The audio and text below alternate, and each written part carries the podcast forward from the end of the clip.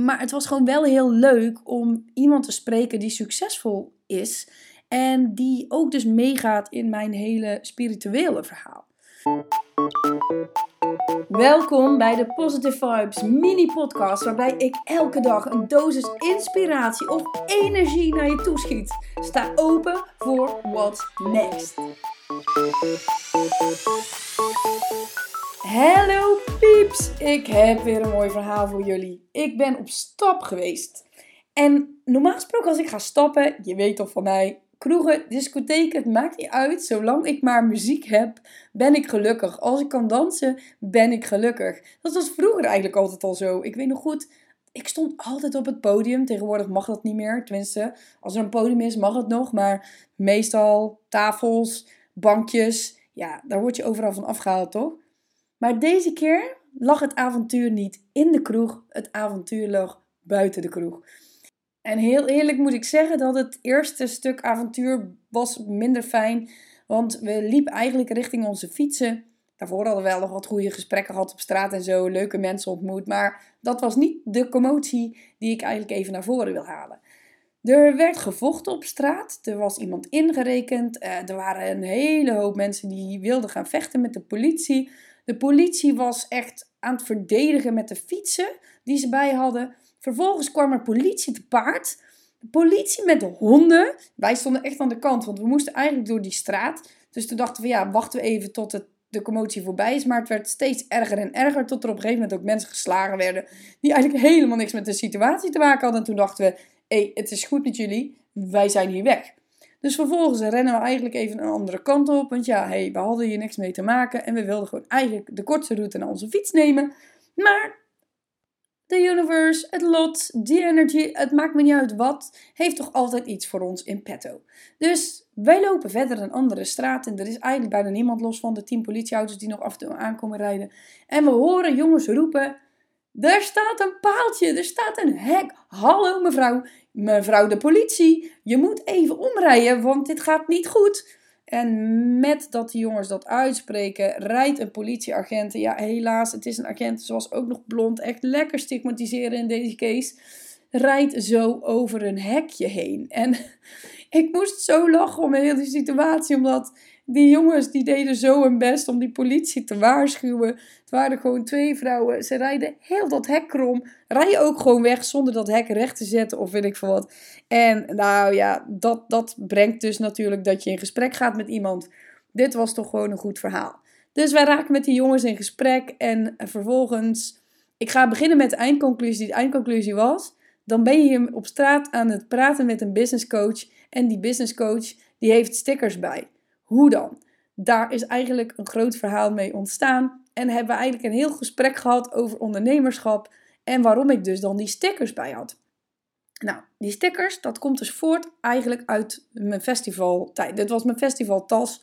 Die had ik mee en ik neem altijd stickers mee naar festivals. Omdat we altijd, als we iemand iets knaps zagen doen, iemand, iemand zagen helpen, of er gebeurde iets speciaals, dan riepen we altijd: Oh my god, dat verdient een sticker. maar we hadden nooit stickers bij. Dus op een gegeven moment hebben wij ervoor gekozen om, of wij, ik heb daarvoor gekozen om doosjes stickers te kopen. Of in ieder geval stickers te knippen in een doosje te stoppen. Ik deed daar dan nog echt wel moeite voor. En elke keer als ik dus een, het gevoel had van... Oh my god, dit, is, dit vind ik echt een sticker. Dan gaf ik mensen een sticker. En ik moet heel eerlijk zeggen, je weet nog wel, zo zijn we eigenlijk ook wel een beetje opgegroeid vroeger in de klas dat we een sticker kregen als we iets goed deden. En als er een rood kruis doorheen stond, dan had je iets niet goed gedaan. Even los van de wetenschap waarom je dan dus datgene niet goed had gedaan. Of waarom, besef je eigenlijk wel waarom je iets goed had gedaan. We leren natuurlijk allemaal dingen, maar iedereen leert gewoon op een andere manier. Dus ik wil eigenlijk ook niet ophouden met stickers uitdelen, omdat ik vind, en wie beoordeelt eigenlijk dan dat ik vind dat dat goed is? Weet je, wie, wie heeft er bij mij bepaalde dingen ingeprent waardoor ik dat goedkeur wat daar gebeurt? Want wie heeft toch ooit bepaald dat we geen stickers meer mogen krijgen? En zo zei ik het laatst toch al, van we moeten eigenlijk een speeltuin voor volwassenen neer gaan zetten, omdat we eigenlijk ook moeten kunnen spelen. En weet ook dat in het spelen heel veel inspiratie ligt. In spelen liggen antwoorden, ligt vrijheid. En we zouden dat eigenlijk allemaal moeten doen. Dus een beetje in het verlengde daarvan zijn die stickers ook gekomen. Omdat ik gewoon wil dat mensen weer blijdschap ervaren, genieten. En ik heb die jongens dus ook een sticker gegeven. Ook in het kader van dat ze een poging hebben gedaan om die auto te redden.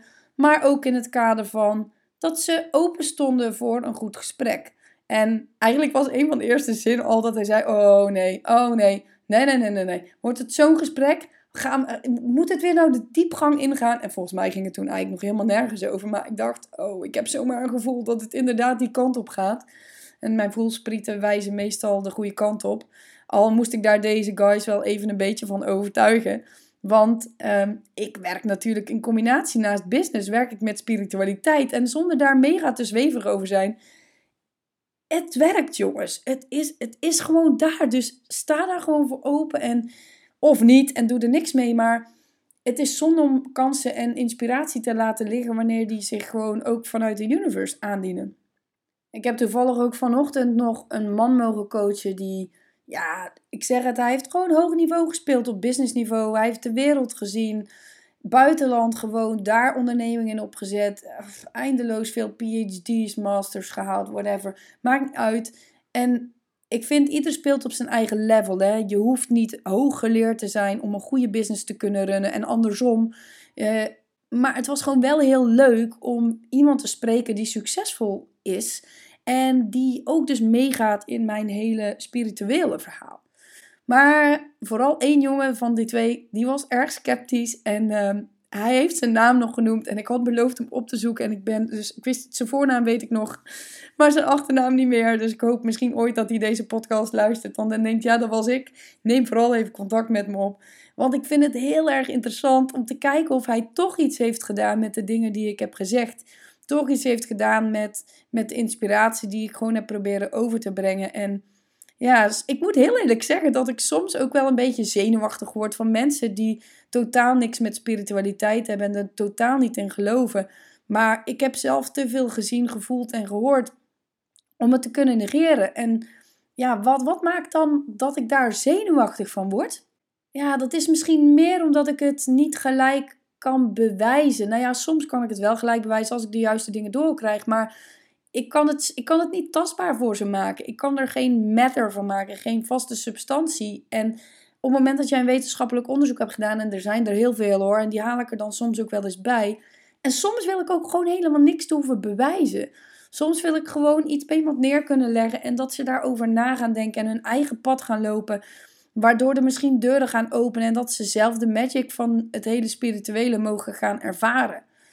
Ja, en die zenuwen, ja, misschien komt het ook wel uit het feit dat ik weet dat sommige mensen daar gewoon nog geen ervaringen mee hebben. En dat ze. Het ontwikkelt zich precies op het moment dat jij daar klaar voor bent. En ik geloof echt dat iedereen wel bepaalde voelsprieten heeft. Alleen bij de ene zijn ze gewoon wat verder ingeklapt dan de ander. En het hoeft ook niet, hè. Je hoeft ook niet met spiritualiteit te werken, maar het kan zoveel mooie dingen opleveren en kansen en inzichten, dat ik het eigenlijk zonde vind. En misschien dat ik het daarom ook gewoon wel altijd gebruik. Maar goed, het gesprek was leuk. Uh, heel veel mooie business tips, heel veel verwondering ook mogen, mogen zien en ervaren. Dus dat was gaaf. Dus ik heb op een gegeven moment die guy dus ook een sticker gegeven, omdat ik het gewoon echt leuk vond dat hij er ook voor open stond. En ja, hij heeft mij ook op, uh, op, op autovlak toevallig eh, tips gegeven. En dat was, daar was ik er heel erg dankbaar voor. Dus zo kunnen we elkaar toch eigenlijk wel helpen op heel veel verschillende vlakken. En misschien is dat dan ook wel de boodschap voor vandaag. Is kijk om je heen naar wat voor mooie mensen dingen doen, ongeacht welk niveau van studie, ongeacht welk niveau van lengte, ongeacht welk niveau van kennis.